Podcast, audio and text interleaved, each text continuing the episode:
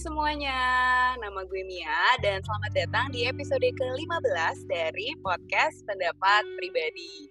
Oh my god, gak berasa banget, ini udah episode ke-15 aja. Gue gak nyangka awalnya ide-ide gue nih mengundang guest itu cuman sekedar angan-angan doang kak, tapi ternyata sekarang udah tiga guest yang gue undang dan kayaknya gue bakal keep coming ya. Gue bakal terus undang guest sampai ya niat gue sih sampai 11 guest kali ya guys. Karena di gue pribadi nih podcast monolog gue tuh udah ada 11 juga. Jadi kan bosen tuh ya orang-orang dengerin gue ngomong sendiri mulu. Nah kita combine dulu nih sama 11 guest mungkin nanti nextnya baru bisa mix mix mix. Nah tapi sebenarnya yang spesial dari guest gue satu ini tapi guestnya belum gue suruh ngomong ya. Yang spesial banget dari guest gue satu ini adalah pertama dia itu guest yang gue seneng banget karena dia yang nge-reply gitu question box gue di Instagram. Jadi gue sempet nanya nih ada nggak yang mau collab barengan sama gue? Nah terus si orang ini tuh reply dan gue kayak aduh senang banget. Apalagi orang ini terkenal suka melakukan Instagram live gitu kan ya yang berhubungan dengan hal-hal ini juga gitu. Jangan ketawa-ketawa aja kak. Nah kita lanjut ya. Nah selain itu juga sebenarnya yang menurut gue menarik banget selama ini tuh gue selalu ngundang guest tuh cewek ya gue cewek gitu kan guys-guys gue cewek bener-bener kurang banget nih yang namanya mindset atau perspektif dari pola pikir cowok. Nah udah ketahuan kali ya sedikit sneak peek berarti guys gue hari ini cowok nih. Langsung aja deh perkenalkan diri guys aku hari ini siapa sih? Halo semuanya. Pendengarnya Mia pendapat pribadi. Gue selalu banget dengerin Mia. Ini beneran apa bohongan nih? emang maksudnya topik yang ini beneran. Topik yang lo bahas tuh bener-bener seru Mi, asli. Eh, gila, nah, thank you, ya, perkenalan ya, gue Indra, gue temennya Mia dari SMP, SMP wow. nih ya. ya SMP dong, SMP dong. gue di SMP 5, Mia di SMP 1, hmm. tapi kita pernah satu di bimbingan pelajar, ya nggak Mi? Ingat gak? Iya, yeah, ya.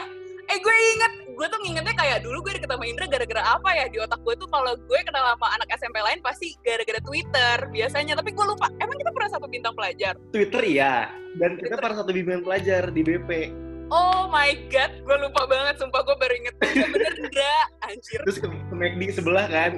iya dong, tempat nongkrong sejati nggak tuh McD Lodaya? Wajib, wajib banget. Gila, itu tempat enak gaul pada wajib, masanya. BP pasti lo ke situ. Bener terwajib pada masanya. Terus mungkin selain lo temen gue, Ndra, sekarang lo lagi apa? Atau lo tuh siapa sih? Kalau secara explain diri lo. Gue siapa? Uh, kalau sekarang mungkin kesibukan gue kerja aja, kerja biasa as a civil servant mm-hmm. di salah satu kementerian, tapi penempatan gue bukan di Jakarta, mm. tapi gue di Kepulauan Riau. Nah, wow. Nah, jadi mohon doanya teman-temannya Mia supaya gue cepat-cepat pindah ke Jakarta ya. Amin. Gila gue tuh ya kalau baca tweet-tweetnya Indra tuh kasihan banget. Kayaknya tuh aduh pengen banget penempatan pulang lah seenggaknya Jakarta atau Bogor. Gue tuh ngeliatnya kayak ya Allah gue harus bersyukur nih kak. Gue kerja di Jakarta daerah area Betul, Jakarta. Betul kak, wajib kak. Gila sih. BTW Indra, selain kita memang, berarti kita memang fix kenalnya tuh dari bintang pelajar dan SMP ya? Zaman-zaman SMA tuh kita pernah ketemu nggak ya? Gue juga lupa asli deh. Jujur enggak, SMA enggak sama sekali nih. Kayak kita oh. cuma di oh. sosmed aja gitu nggak sih? Ini definisi guys, ini definisi teman virtual banget asli kayak ya maksudnya nggak virtual iya, virtual amat sih. Asli kan? Kita kalau ketemu face to face Tapi paling event, di BP. Iya, maksudnya event ketemu di real life pun ya udah kayak cuma sekedarnya aja nggak sih? Iya bener. Nongkrong gak ya Ndra? Maksudnya kayak kan gue sama beberapa anak SMA lain kadang nongkrong gitu kan ya. Ini enggak ya? Enggak sama sekali. Sumpah. Gila ini kocak sih guys. Tapi maksudnya gue selalu perhatiin Indra juga di sosmed. Jadi kita yang bener-bener gak lost gitu lah ya Indra ya. Yang tahu. Iya maksudnya kita masih suka reply story atau apa di Twitter juga kan. Jadi mm -hmm. ya virtual tapi dekat gitu kan. Aduh, ya bener-bener bener. Sangat disayangkan sih guys. Maksudnya semoga aja nih Indra. Mungkin kalau suatu saat lo udah kerja di Jakarta atau Bogor bisa aja kita bikin podcast lagi secara in real life ya. Jadi nggak virtually kayak wajib, gini nih. Wajib, wajib ya. lagi ya.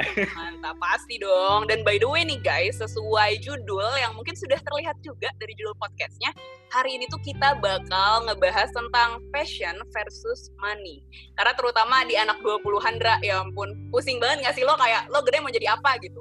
Kayak tuh aduh bingung banget. gitu kan. asli ini tuh kayak salah satu podcast lo sama Vega kan yang ngebahas tentang uh, quarter life crisis. Iya betul betul. Nah itu salah satunya tentang ini juga. Dan ini emang bisa dibilang lo harus uh, fokus di salah satu hal ini juga gitu. Benar-benar ini kayak uh, uh, sangat berhubungan juga gitu dengan podcast gue sama Vega itu ya. Sementara kalau Vega tentang Betul. mungkin pacaran kalau ini tetap di bagian pekerjaannya atau passion dan cita-cita kita di masa depan. Nah, gue mau tanya dulu, Ndra, emang actually passion lo tuh apa sih? Lo tuh cita-citanya mau jadi apa sih, Ndra?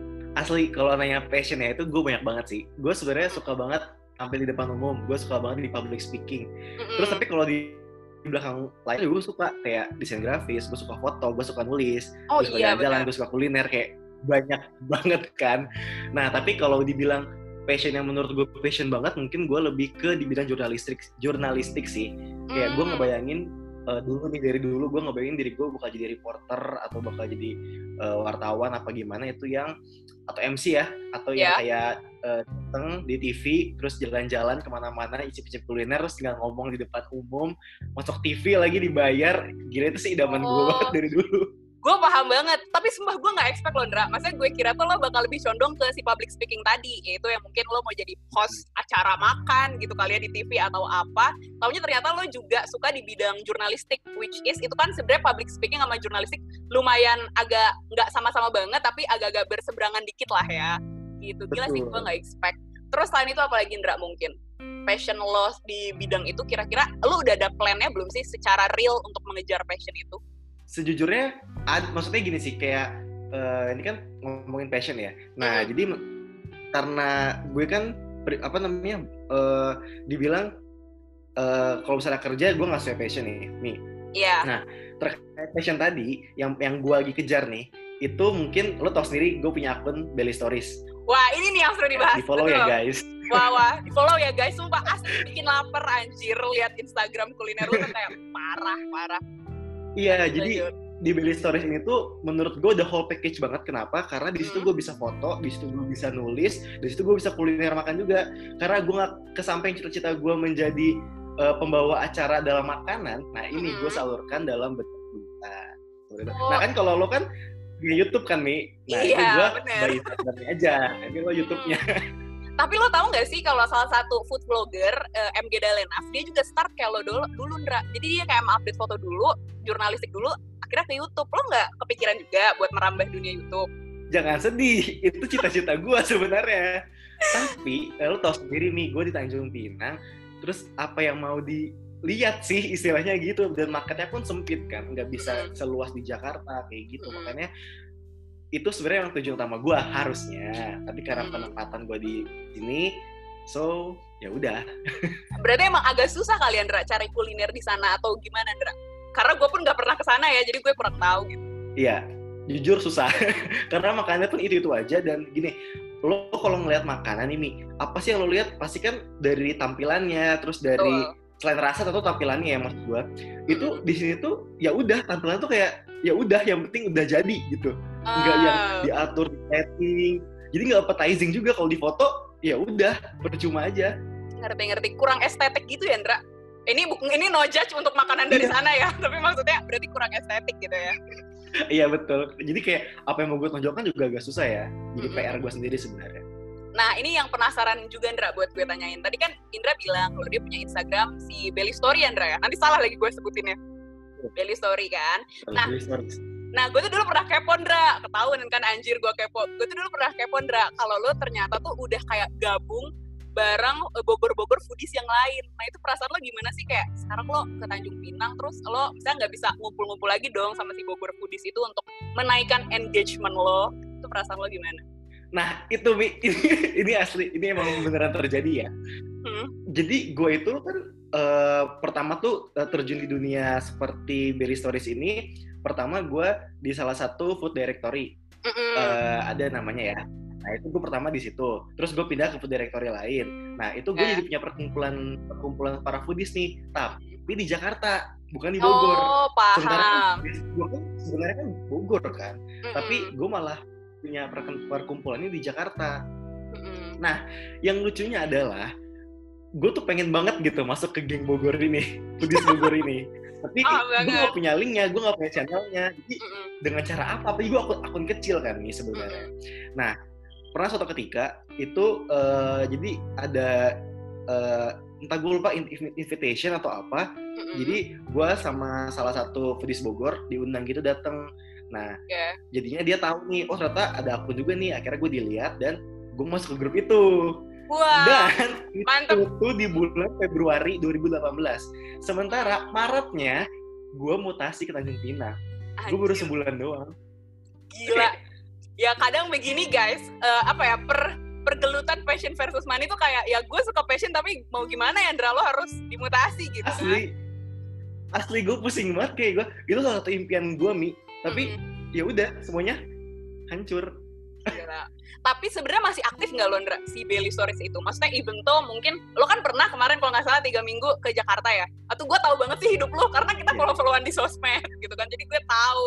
Terus lo yeah. sempet kayak tiga minggu dan gue lihat thread kuliner lo juga kan di Twitter.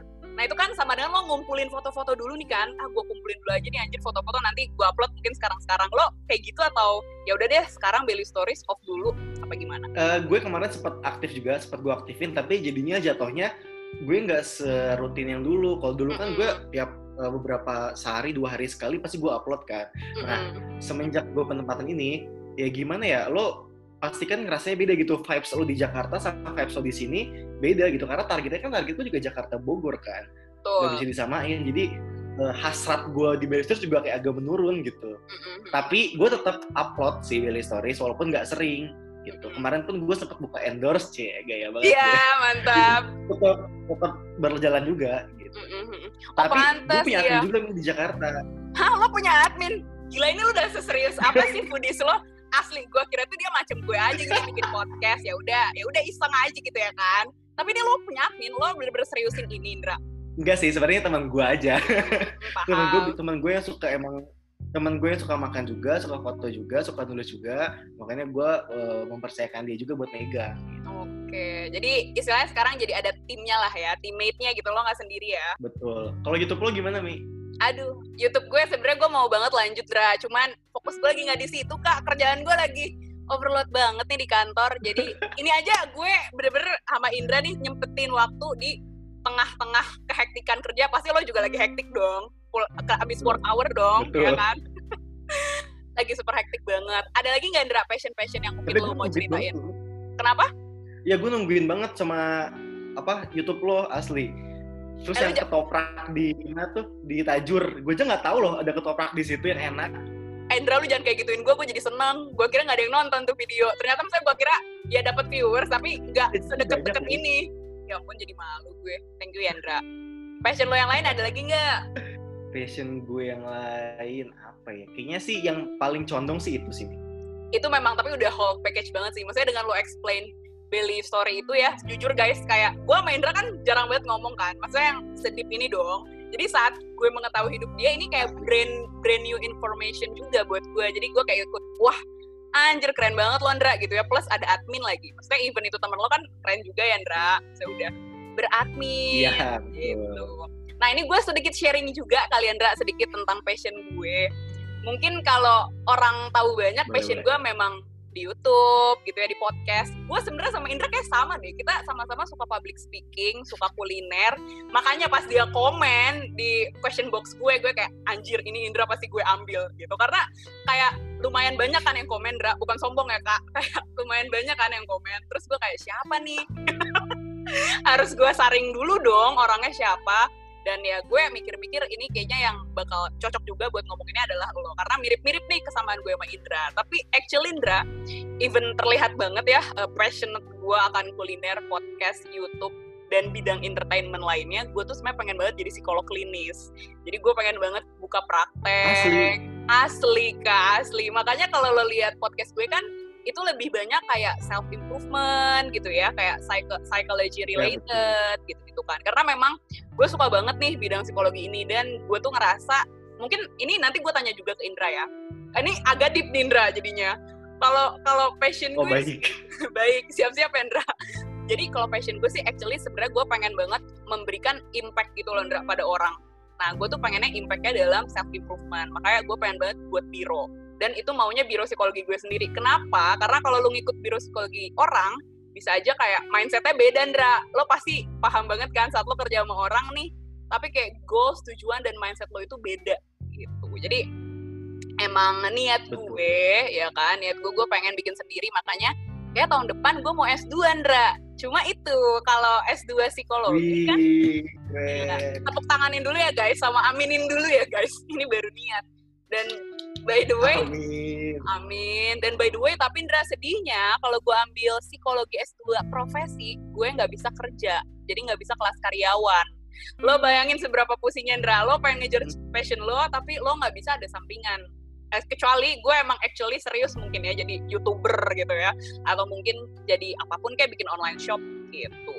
Tapi so far ya gue harus prepare nih Indra. Kenapa nggak bisa nih?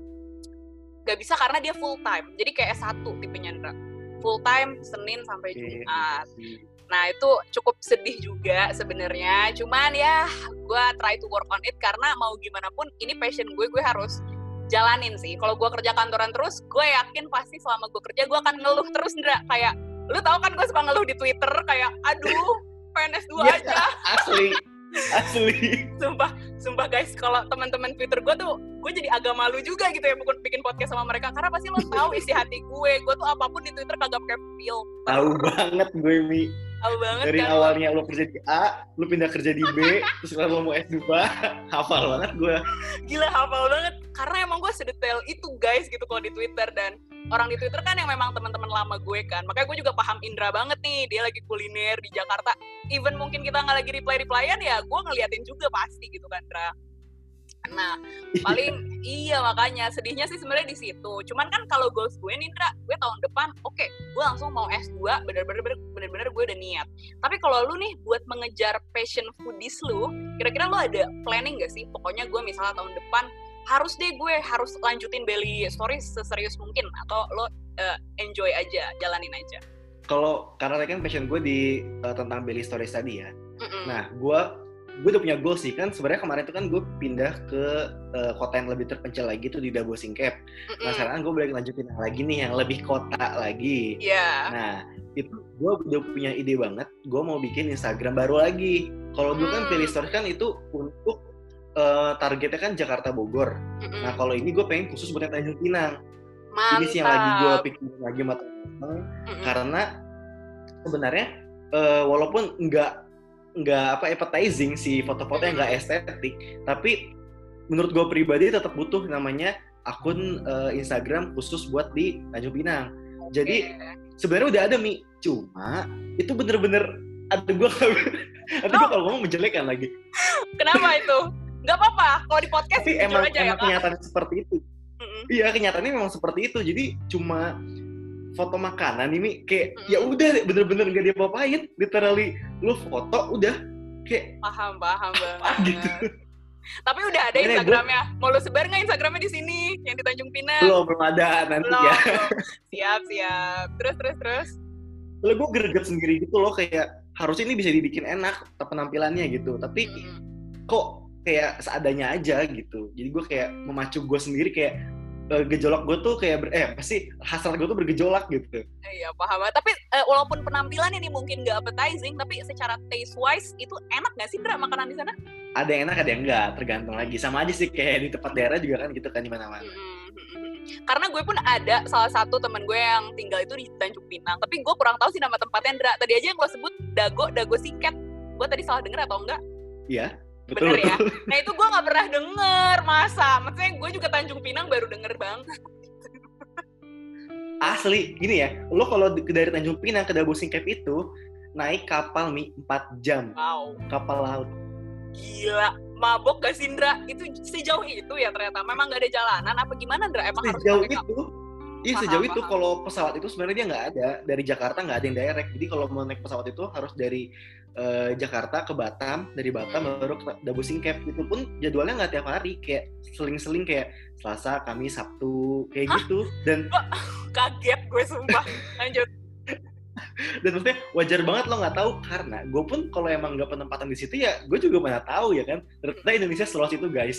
Jadi Iya. kalian jangan mikir cuma Jakarta, Bogor, Jabodetabek, Bandung, tapi seluas itu. Setuju gue. Dan banyak yang keren-keren juga sebenarnya Indra, tapi ya gak terlihat doang kali ya, hidden gem gitu kan. Dan by the way Betul. tadi pas Indra ngomong, iya jadwal kapalnya selang-seling. Gue pikir dalam satu hari selang-seling, pagi, siang, taunya selang-seling hari, anjir itu lama banget sumpah. hari? Hari. Itu nggak kebayang ya cuy. Kalau gue lagi mau ke sana urgent hari Selasa tapi hari Selasa lagi nggak ada kapal. Itu bisa gila sih cuy Gak keren loh Ndra oh kalau pesawat kalau kapal terus nih sehari sekali. Tapi pesawat yang Oh. selang-seling. pesawat yang selang-seling lebih parah dong Ndra. Gue kira ya udah sama aja berarti ya. Sama aja sama-sama shocking plot twist. Sama aja sama-sama jauh. Makanya by the way Ndra ini agak out of topic sih sebelum gue lanjut ke topik selanjutnya nih. Agak out of topic tapi gue penasaran deh. Ndra. Kemarin kan lu habis ulang tahun. Happy birthday ya Ndra. Gue pengen loh nanya. Sama-sama. Gue mau nanya lo kan dikirimin kue banyak banget itu tuh dari toko kue di Tanjung Pinang apa gimana sih sumpah gue nggak paham Ndra itu dari mana sebenarnya asli btw ini eh, Mia nge- ngechat gua pas banget di hari gua ulang tahun terus gua kayak wow ini sengaja apa gimana jujur nggak ada sengaja mungkin Kak. ini hadiah buat gua kali jadi jadi gestarnya Mia di podcast Anjir, eh gue jadi seneng dianggap hadiah gitu ya kak. Jadi gimana tuh Ndra? Penasaran gue sama kue-kuenya. Iya jadi eh, itu kue dari Tanjung Pinang semua. Jadi sebenarnya Wow. tuh di nggak cuma di sini ya, maksudnya di tempat semua daerah pun sebenarnya banyak UMKM yang enggak yang nonjol yang masih di rumah, Mm-mm. tapi dia udah punya produk yang bagus, cuma eh, emang nggak kadang nggak kelihatan. Nah itu sebenarnya yang kue yang gue dapat itu semua dari Tanjung Pinang, ada dari kota maksudnya di kota Tanjung Pinang. Tapi ya itu nggak semuanya punya toko kue sendiri, ada juga dari Instagram, dari mana teman-teman gue pada nyari dari situ. gila, itu bener-bener kreatif banget teman-teman lo. Karena pas gue lihat eh, kue-kuenya, bener-bener kayak bukan kue-kue dari, da- eh gue nggak tahu ya orang daerah mungkin jago juga, tapi kayak kue-kue dari Jakarta aja gitu, yang lucu-lucu gitu.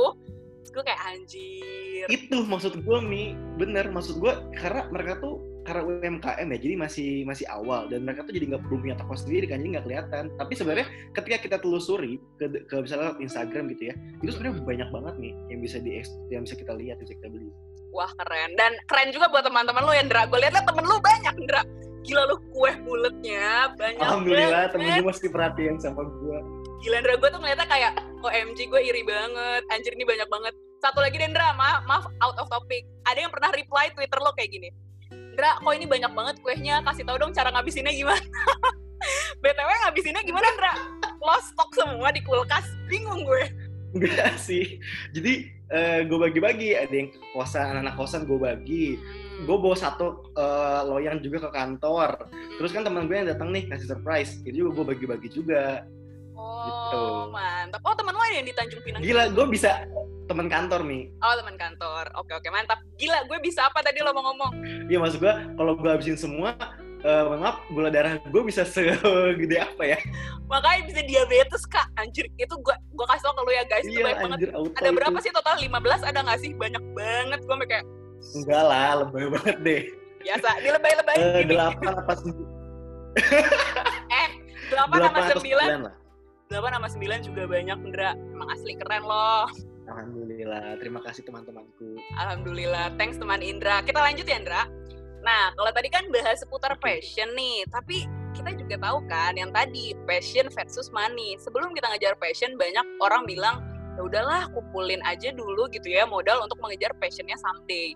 Nah, ini sekarang yang sedang lo lakuin apa sih, Indra? Yang lebih secara detailnya. Tadi lo udah introduction sih, cuman secara detailnya kerja lo tuh apa gitu. Dan mungkin dulu lo kuliahnya kayak gimana, mungkin boleh dijelasin. Kalau ditanya nih, kerja gue sesuai passion apa enggak sih? Mm-mm. Jawabannya 80% enggak, 20% iya.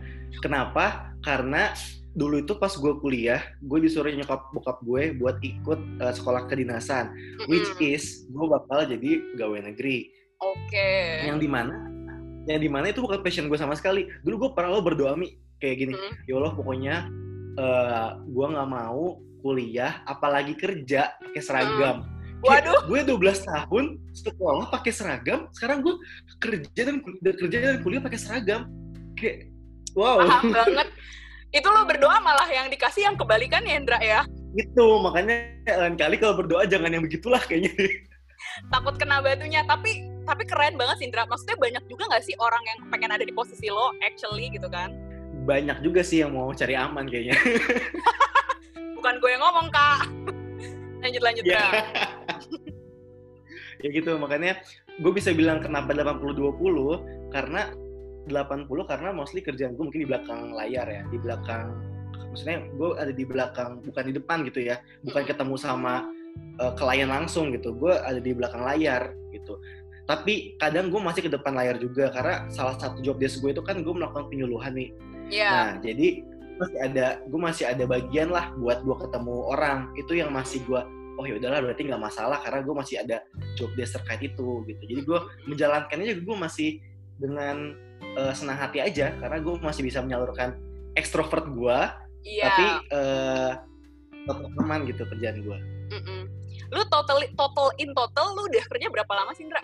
Eh, dua setengah tahun lebih Dua setengah. Udah lama juga ya, Indra. Berarti lo lo lulus tahun berapa ya? Gue kan baru lulus Lumayan. tahun kemarin. Lo lu tuh lulus berarti tahun 2017 atau 18 ya? Apa salah gue? lulus 2017 kerja 2018 awal Mantap. dari tanggal Januari Dan by the way nih, lo kerja di sini tuh sampai berapa lama sih, Indra? Gue pengen tahu. Maksudnya apakah ini dalam bentuk kontrak bertahun-tahun, tapi penempatannya doang yang beda, atau ini gue cuma sampai berapa tahun misalnya gitu? jadi karena gue kedinasan kan mi sekolahnya jadi Mm-mm. Si apa namanya si ijazah gue tuh di- ditahan mi ditahan Oh, paham selama 10 tahun Sorry, beneran gak sih Indra? 10 tahun? Hah?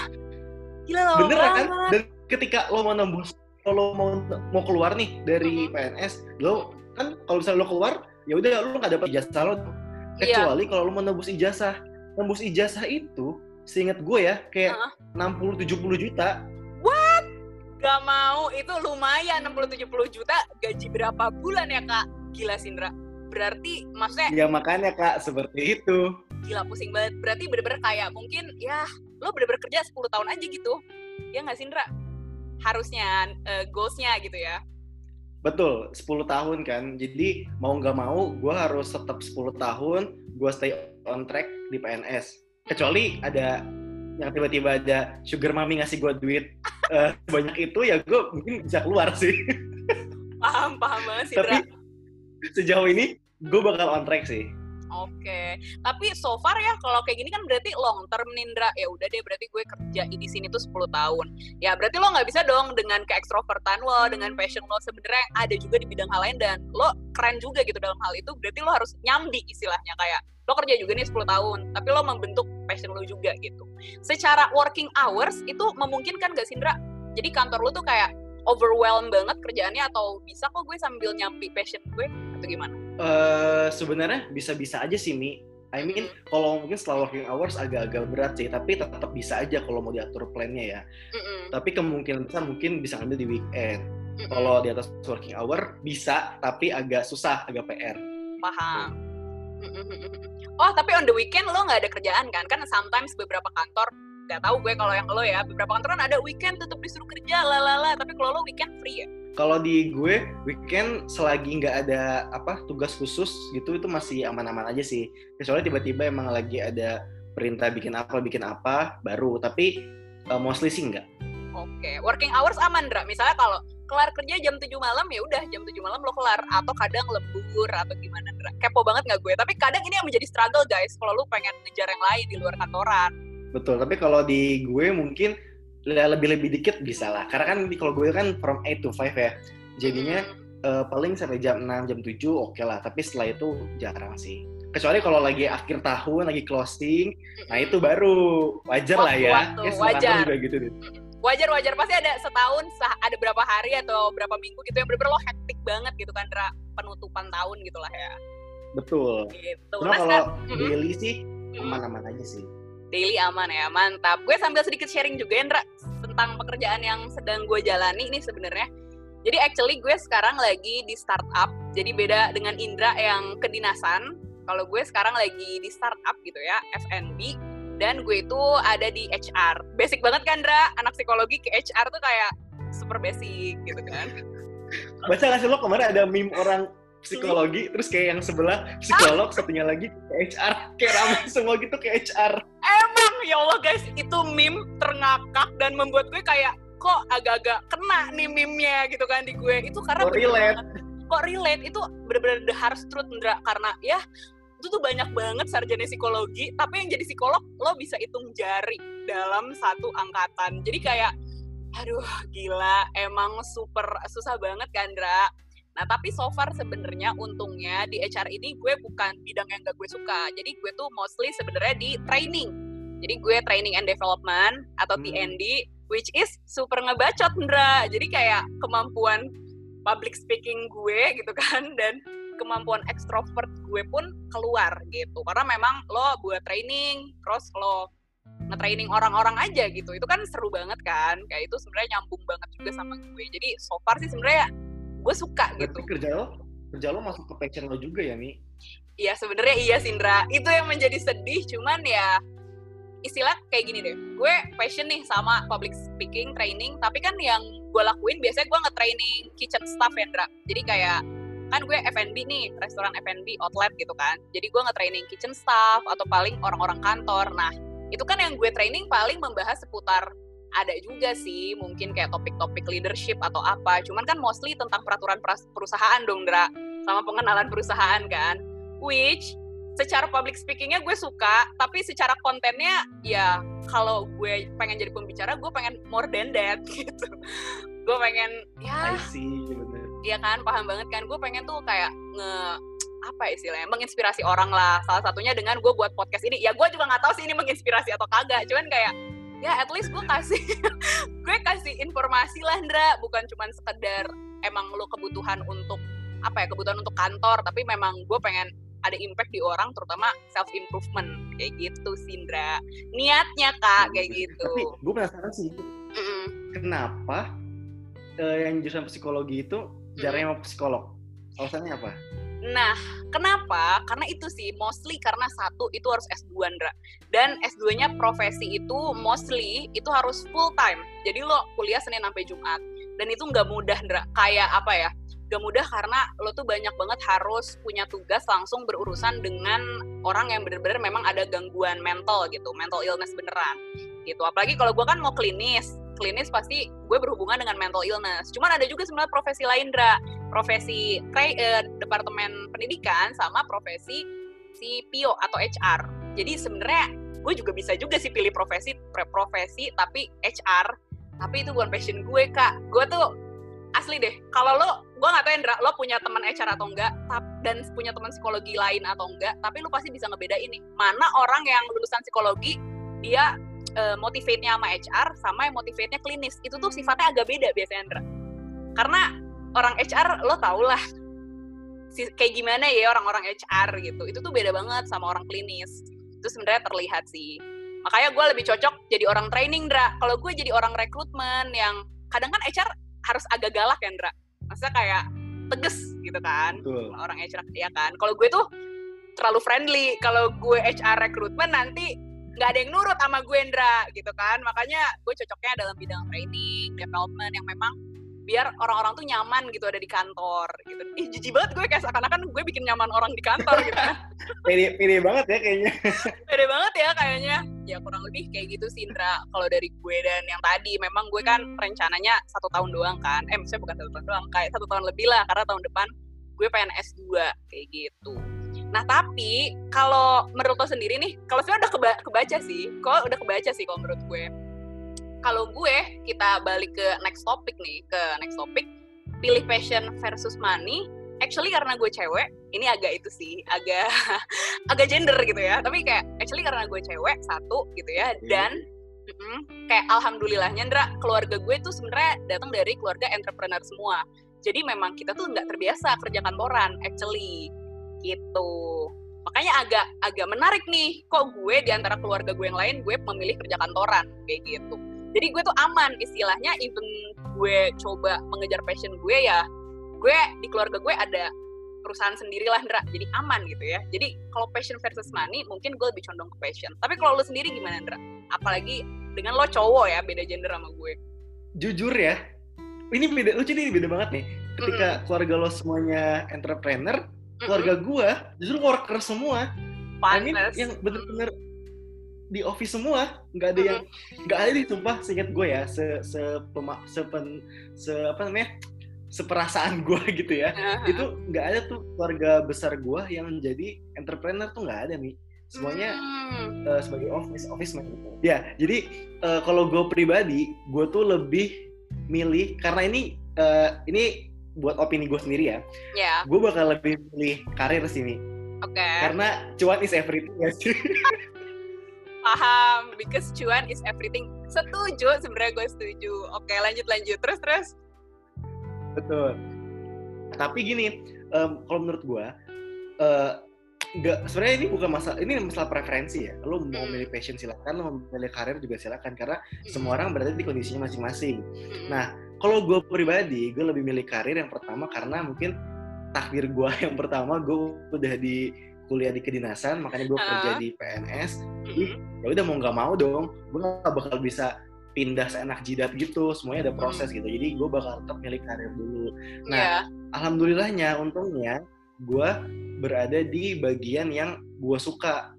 Yang bagian gue masih ada hubungannya dengan orang luar nggak Mm. cuma di internal kantor doang nah itu yang gue suka gue masih bisa ketemu klien gue masih bisa eh, melakukan penyuluhan jadi gue masih ma- apa maksudnya passion gue tuh masih ada 20% gitu Oke. jadi nggak selamanya gue memberat nggak selamanya berat gitu kan Mm-mm. terus eh gue pribadi itu kenapa milih karir juga karena sama tadi eh, mindset yang masih tersebar di masyarakat terkait Mm-mm.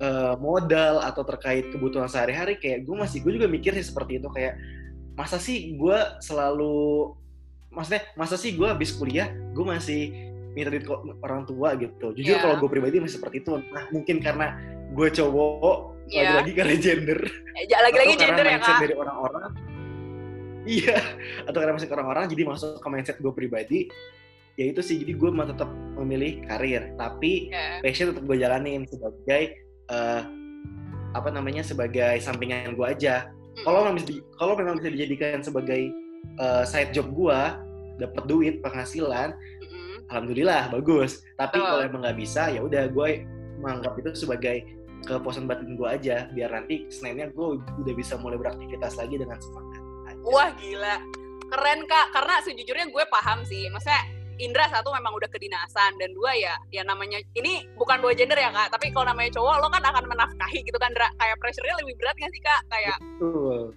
mm-mm, paham banget gue. Tapi gue mau kepo sesuatu dong. Ini nggak nyambung sih, tapi gue kepo. Tapi sampai sekarang lo masih dikasih jajan gitu gak sih sama ortu lo? Atau lo udah pure 100% nih apa pun yang gue lakuin tuh dari duit gue gitu. Pure 100% gue dari sendiri sih. Wow, mantap. Gila, Ndra. Lu nggak mau langsung cari istri aja nih buat dinikahin? Jadi nyambung ya ke podcastnya Vega. Jadi nyambung. Maaf kalau kalau bisa semudah itu sih ya boleh juga. Jadi Paham, paham. pendengarnya Mia kalau mau mencari boleh. Boleh kirim CV ke Indra. Tapi sumpah, Ndra. Eh, ini gue boleh. Ini bukan julid sih. Tapi gue mau nanya. Tapi Indra tuh temen ceweknya banyak banget. Kayaknya kalau gue jadi ceweknya Indra tuh kayak anjing temen cewek lo banyak banget. Buset. Gitu, paham gak sih? Gue ngerti banget kan. Tapi by the way, Eh, tapi Mi, sumpah gue gue gue gue kepikiran sesuatu sih Mi. apa Gue tuh? setiap denger denger podcast lu, Mm-mm. gue selalu inget sama mantan gebetan gue. Mantan gebetan lo. Siapa? Soalnya mantan gebetan gue Mm-mm. suaranya sama banget kayak lu. Siapa anjir? Jangan kita spill ya di sini kak. Mantan gebetan lo kapan? Jangan dong. Oh, jangan Bahaya. dong. Kasih clue deh dikit. Mantan gebetan lo kapan? SMA, kuliah gitu kapan, Dra? Kuliah. Oh kuliah. Asli. Oke oke. Berarti gue gak kenal. sama lu. Sumpah. Sumpah. Enggak, enggak. Tapi follow-followan gak sama lo di Instagram? Follow. Nanti di offline gue kasih ya eh, suaranya. Eh, tapi gue gak punya juga sih. Coba kalau gue punya, pasti lo Snapgramnya, merasa, Kak. iya kebaran gue banget nih. Emang mirip banget ya suaranya sama gue. Jadi penasaran nih off air. Mirip. Oh, nanti- tanya-tanya. Ya, nanti gue lihat ya di story-nya dia, nanti gue. Siap, mantap banget. Tapi BTW Ndra, maksudnya nyambung juga. Karena sebenarnya topik ini sih nyambungnya ke quarter life crisis sih gitu kan memang ya. Nyambung-nyambung juga nih ke podcast kedua, eh, kedua lagi ke podcast Vega. Since ini kan cowok, sebelumnya kan Vega tuh cewek kan. Kalau lu sendiri rencana nikah kalau cowok karir kayak lu tuh kapan sih? Jujur kalau gue pribadi, target nih ya, kalau misalnya Mm. diomongnya sih, gue kalau pengennya di umur Hmm. 26-27. Nggak ada yang Oke. 27-28. Oke, 2728 mantap. Oke, oke, oke. Iya, tapi eh, balik lagi tadi ketika gue udah siap secara mental dan secara eh, finansial, baru Hmm. gue bisa menentukan. Siapa tahu tahun depan gue udah siap. Iya gila. Tapi calonnya udah ada belum, Dra? Gue tanya. Sekalian kita bener spill-spill juga. ya. Nggak, gue nanya ini. Gue bukan ngejudge kayak. Tapi calonnya udah Oh, ada belum, Dra? Itu gue nanya. Biar pendengar gue tahu nih, Indra udah ada calonnya apa belum. Sejauh ini belum guys. Jadi kalau mau kirim CV boleh at Indra Nurhafid ya. gila. Gila tapi ini kayaknya lu tau gak Sindra kayak banyak banget pembahasan yang pengen gue tanya ke lu ini sekali lagi balik ke perjulitan gue tadi. Kan temen lo banyak cewek kenapa sih lo nggak pilih aja dari sahabat-sahabat lo? Why? Kayak why gak mencari dari situ aja gitu kan? Nih gak bisa gak sih? Gak tau Kayak- makanya gue nanya. gue kalau gue sih gak gue nggak bisa ya. Karena gue tuh tipe orang yang deket sama orang ketika gue nggak tahu dia malah. Oh Ketika- dari awal first itu gue langsung lihat oh kayak dia cocok nih gitu.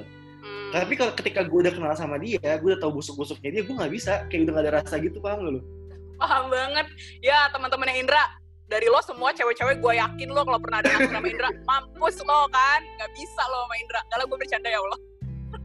Tapi, tapi lu sama pacar lu yang sekarang nih Mm-mm. dari sahabat juga apa gimana enggak gue dari orang gak kenal. Sama kayak lo gue juga nggak bisa dari teman kayak new aja gitu. Gue Ya pengen kan? start new. Iya. Kayak nggak mau aja gitu kan. Apalagi Iya, dari bener. sahabat. Dari sahabat kan kayak ya ya Allah. Tapi tapi banyak kan sahabat gue sekarang juga beda agama sih Indra sama gue. Jadi karena kan tempat kuliah gue diverse kan. Ya Betul. tempat tempat kuliah gue diverse banget. Jadi kebanyakan ya mau dia teman gue ada yang ganteng ada yang gue taksir. Tapi beda agama Indra untuk apa ya kak kalau kita udah tahu dari awal gitu. Tapi kan lagian gue udah punya cowok juga. Pusing sih iya makanya gitu. Ya ampun. Sabar ya cewek-cewek. Yang belum kenal Indra mungkin kirim aja langsung CV-nya kirim ke ke mana Indra kalau mau kirim CV jodoh. At Indra Nur Hafid ya Instagramnya di follow aja guys. Tetap mantap promos tetap promo. Nggak apa-apa dong. Dan by the way nih kalau menurut lo pribadi Indra kan tadi gue setuju banget omongan Indra dia bilang bahwa orang tuh sebenarnya punya preferensi dan mungkin backgroundnya tuh beda. Kalau gue karena entrepreneur ya udah gue pilih passion gue pilih entrepreneur. Dan sedikit gender ya karena gue cewek juga. Sebenarnya gue nggak pernah diwajibin Sindra untuk kerja actually. Karena gue masih dibiayai gitu. Ya ini kesannya gue kayak jahanam banget sih tapi kayak itu salah satu privilege gue lah. Gitu. Tapi kan beda-beda ya kak. Tapi kalau menurut lo pribadi ndak, Nandra, as terserah mau based on gender atau based on apa aja, sebenarnya better untuk choose apa sih menurut lo buat orang-orang yang dengerin nih umur 20-an better choose passion or better choose money or karir sih? Ba- tapi gue nggak bisa jawab sih Mi maksud gue ini beneran emang uh, sesuai dengan preferensi masing-masing dan Mm-mm. background background juga karena kita nggak bisa maksain juga mungkin ada ses- mungkin ada orang yang uh, mungkin sandwich generation gitu Mi Mm. yang emang harus me- apa menerima beban dari orang tuanya. Nggak mungkin dong Ya. dia milih passion nggak mungkin dia idealis bakal milih passion. Sementara dia Paham. harus uh, me- apa namanya dia harus menanggung beban keluarganya gitu. Kayak nggak bisa juga dia milih passion. Walaupun sebenarnya dia idealis nih punya gue maunya uh, passion gue kerjanya. Tapi ya Ya. nggak bisa juga lo kayak gitu. Karena banyak hal di luar itu yang uh, harus lo terima yang harus lo tanggung gitu.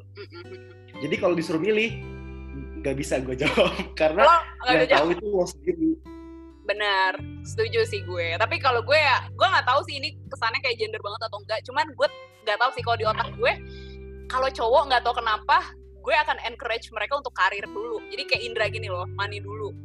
Karena ya itu sebagai cowok kan bebannya menopang para wanita gitu kan. Ya, tapi bukan berarti wanita nggak boleh choose karir. Teman-teman gue juga banyak banget kok yang wanita karir gitu kan. Kalau lu setujunya menurut tuh kalau cowok nih, gue kasih lebih spesifik ya. Kalau kan orang. Tapi kalau ini tuh kalau cowok, menurut lu gimana? betternya gimana gini untuk para para lelaki nih yang dengerin Indra kan udah istilahnya lu cukup stable lah lu udah kerja dua setengah tahun berpenghasilan juga udah ada udah biayain diri sendiri masih kerja sampai 10 tahun lagi maksudnya kan sangat cowok-cowok stable gitu kan lu ada advice gak buat para cowok-cowok yang denger mungkin? Kalau dari gue pribadi ya eh, pendapat pribadi gue asik gila. Kan kesel gue lagi minum. Hebat lu Indra cocokologinya.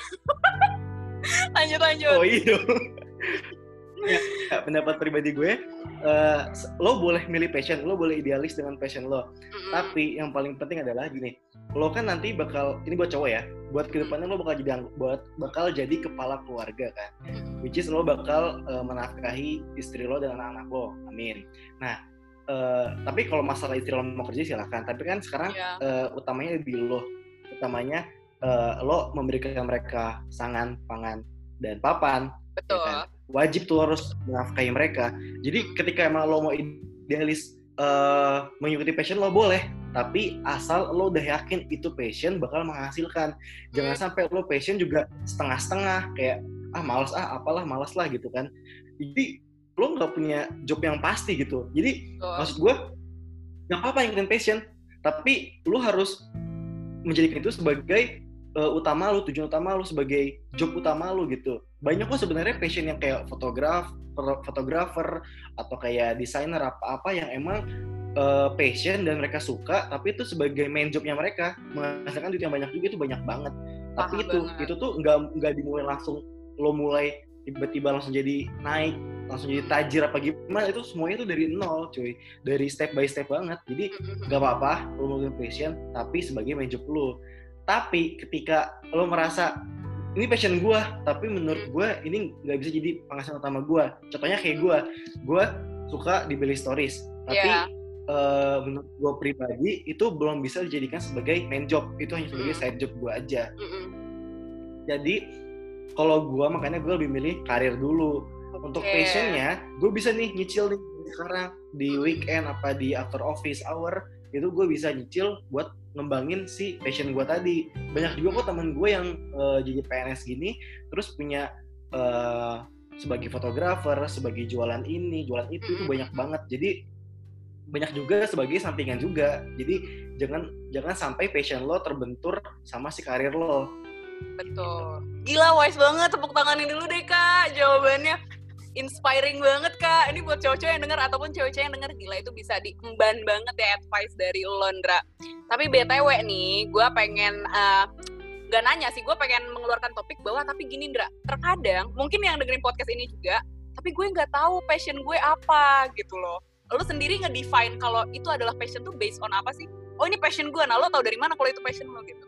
Gue gini uh, kalau menurut gue mm-hmm. passion itu didapat ketika lo menjalani ini dengan hal yang senang ya kan? Yeah. nah itu menurut gue dari lo mulai SMA kuliah sebenarnya itu lo lo udah tahu gitu. Pasti lo tahu passion lo di sini gitu.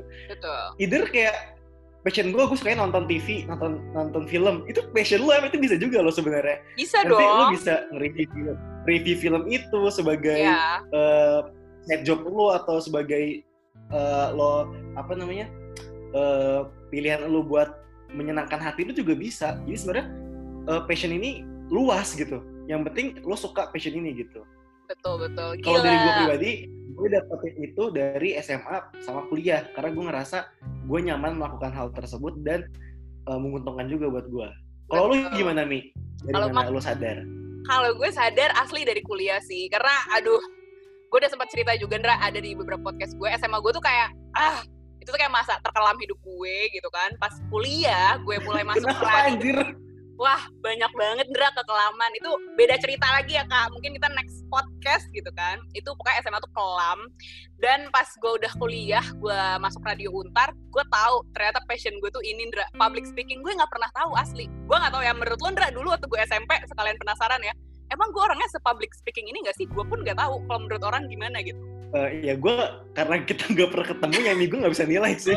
Tapi sebenarnya yang tau gue dari dulu pun lo di Twitter kan lo jujur ya kalau inget gue tuh lo tuh kayak artis Twitter deh zaman dulu mi.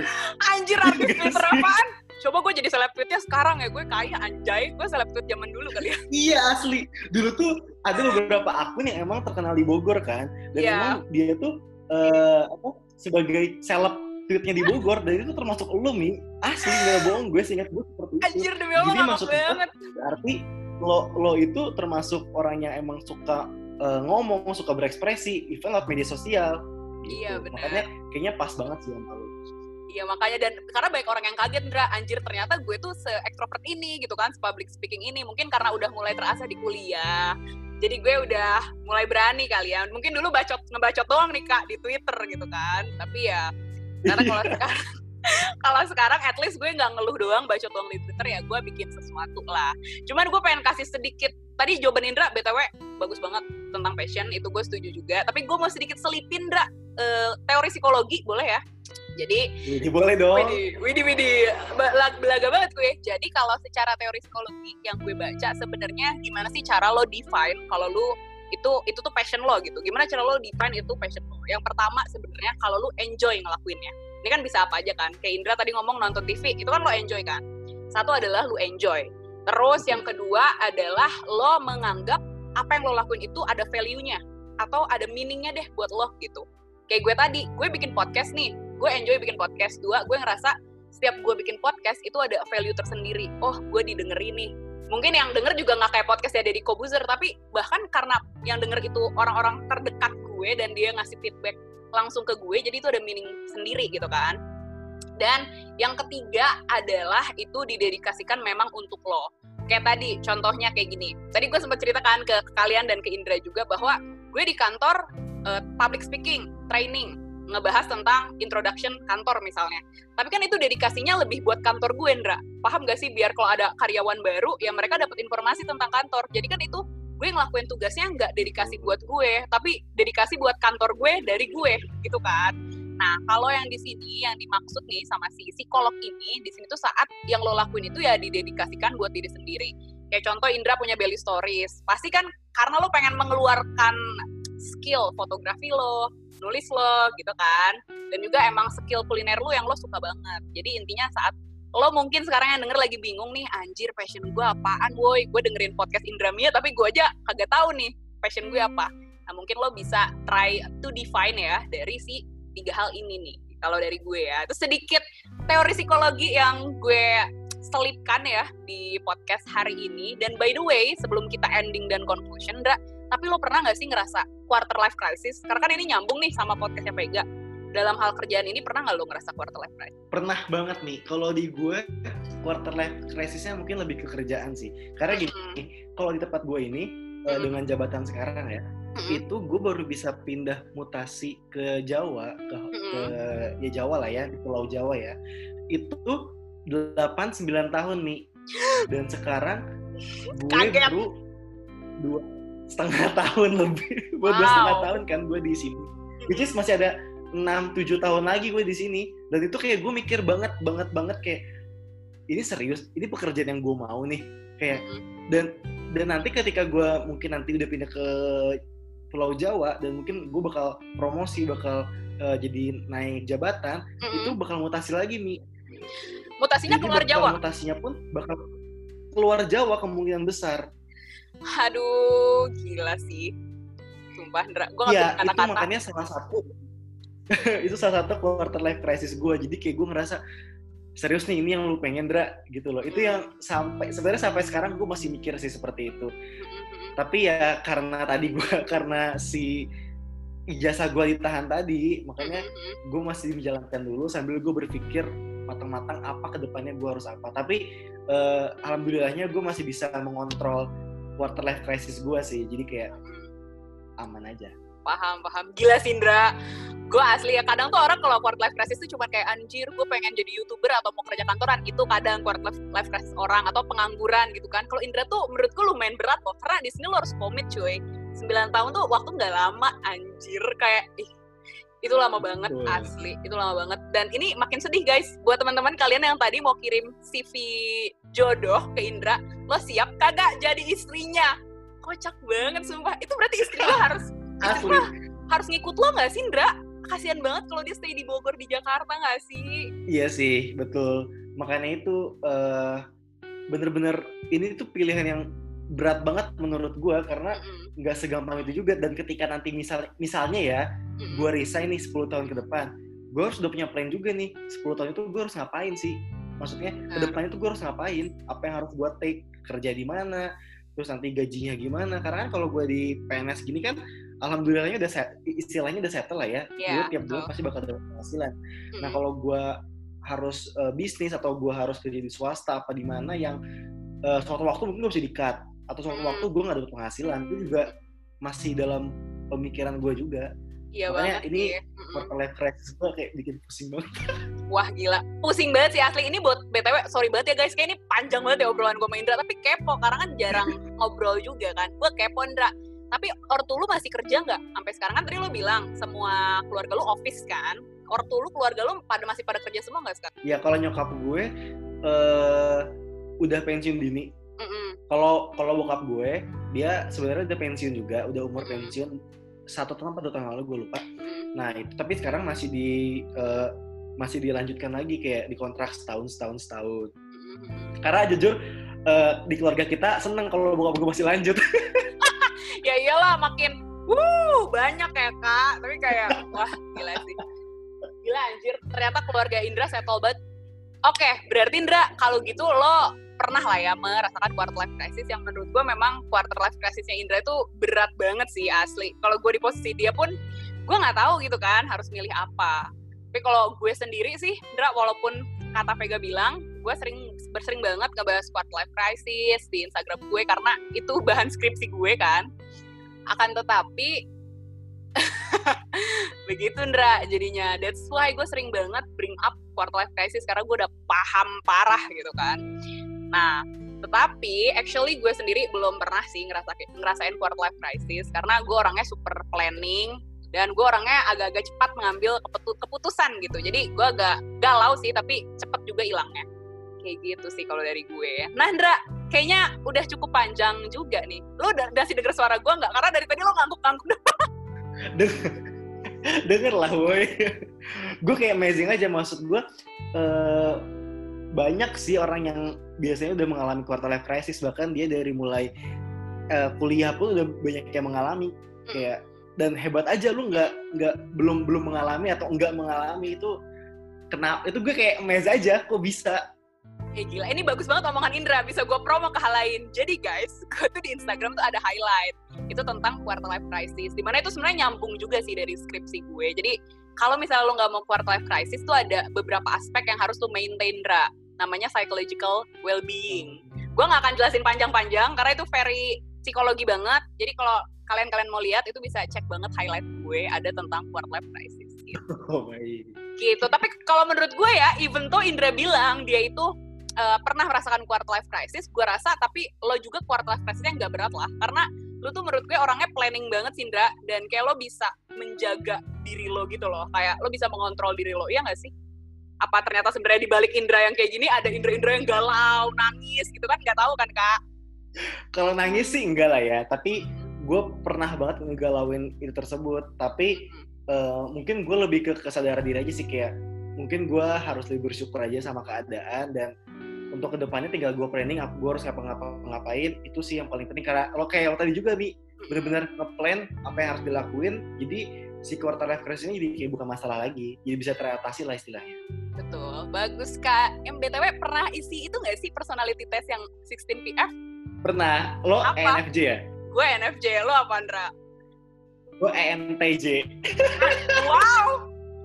Guys iya. Kayaknya lo ENTJ Dendra karena kayaknya gue sama Indra emang kayak similarly ada mirip-miripnya tapi kayaknya lo thinking kan. Kalau gue anaknya feeling banget kan kak? Iya. Betul terus zodiak Makanya pas gue denger lo sama Vega terus lo huh? bilang ENFJ terus kayak gue anjir gue oh ya lo harus tahu gue ENTJ wah anjir. Pantas mirip anjir. Sumpah ya guys yang gue invite selalu rata-rata emang extrovert sih mungkin ya. Nanti deh sometimes gue undang iya. juga undang juga gue yang introvert. Btw tapi zodiak lo libra kan Dra? Bener gak gue? Betul. Betul. Nah libra itu biasanya terkesannya suka labil Indra tapi lo kayaknya nggak labil ya apa ada labil-labilnya? Jadi gue interogasi Indra mumpung lagi ada di podcast guys. Jujur labil. Kalau tapi gue labil sih nih maksudnya gue labil dan gue banyak banget mikir berkali-kali apa yang harus gue lakuin. Jadi kalau gue dalam menemukan dalam apa mau memecahkan suatu masalah pasti gue selalu nanya ke orang dan itu berkali-kali. Dan yang menyebalkannya adalah gue kadang nanya orang apa hmm. nanti hasilnya apa tapi nggak gue laksanain itu bukan labil itu agak bikin kesel ya kak gitu kan. Tapi paham Parah. Enggak, tapi gue selalu nanya ke orang sih. Gue selalu labil banget dalam menentukan suatu pilihan. Tapi ya tetap terplan sih harusnya. Tetap plan. Wow mantap. Oke Nendra kayak udah panjang banget podcast kita. Sebelum kita ending lo ada conclusion atau advice terakhir gak buat para pendengar? Oke kalau dari gue sendiri ya hmm. pendapat pribadi Indra. Jeng jeng jeng. Mantap. Pendapat pribadi hashtag ya.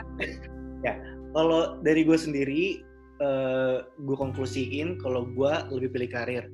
Hmm. tapi uh, lo juga boleh milih karir tapi misalnya karir tapi nggak sesuai passion lo ya hmm. itu nggak apa-apa banget. Hmm. tapi uh, lo harus tahu lo harus milih karir yang emang uh, maksudnya karir yang oke okay, oke okay menurut lo gitu. Yeah, I mean uh, pekerjaannya oke okay, salary oke okay, dan uh, lingkungan juga nggak toksik. Karena ketika Nah, lingkungan lingkungan kerja lo toksik itu bener-bener hancur banget sih. Dan itu ketika emang lo udah fokus nih di karir lo lo bakal eh, stay di karir bukan di passion lo lo tetap harus kejar karir lo itu. Lo harus ambil sisi-sisi yang emang bisa lo jadikan sebagai passion baru lo lagi. Itu bisa lo sebenarnya. Paham, paham bisa banget. passion baru lo lagi lo ambisi lo ambisius lah pokoknya. Keluarkan seluruh ambisius lo dan lo kejar karir tersebut. Tapi tetap jangan lupakan passion lo. Karena ketika lo eh, nggak ada passion lo dalam lo apa untuk hiburan atau apa itu lo bisa stres juga sih bisa gila. Dan ketika lo mau idealis buat milih passion dibanding sama money itu juga nggak apa-apa. Tapi semuanya butuh proses. Nggak bisa lo langsung bread jadi Raffi Ahmad Nagita Slavina Jadi Rafathar, bisa. Kak. Jadi Sabiru. Iya betul, itu nggak bisa step by stepnya. Contohnya lo jadi Rachel V-nya, dia juga mulai dari ASFM, dia mulai Ya, dari benar. eh, apalah-apalah itu nggak bisa dari langsung melejit gitu. Jadi semua prosesnya. sih. Mantap, thank you so much Indra. Gue juga kasih conclusion gue sedikit kali ya. Gue setuju juga sama Indra, walaupun kalau di sini kesannya gue condong ke passion gue, which is jadi psikolog, tapi tetap kok gue juga planning tipenya kayak Indra. Gue sudah mencoba di bidang karir juga, maksudnya coba kerja kantoran, nabung juga gitu ya. Maksudnya gue tau lah kapan saatnya gue udah free nih bisa ngejar passion gue saat memang ada beberapa hal yang udah gue prepare lah sebelumnya. Jadi ini pun gue mengejar passion gue gitu ya nanti resign dari kantor terus gue S2 S2 juga nggak bisa ke kelas karyawan gitu kan itu kan agak risky kan sebenarnya tapi wah ada suara tapi menurut gue as long as lu udah punya preparation itu nggak apa-apa ngejar passion tapi jangan lupa yang jangan dilupain adalah lo harus planning dulu dan lo harus siapin dulu oke thank you so much ya Indra udah gila Thank you juga. Mi, gila, it's such an honor buat gue bisa di sini anjay. Anjay, gue terharu banget. Gila ini seru banget sih. Maybe next teman-teman Bogor ditunggu siapa pun lo random akan gue undang nih macam kayak Indra ya. Teman virtual menjadi teman podcast kak. Oke guys, thank you so much for listening. See you on the next podcast. See you dong, Indra. See you on the next podcast. you Dadah. guys.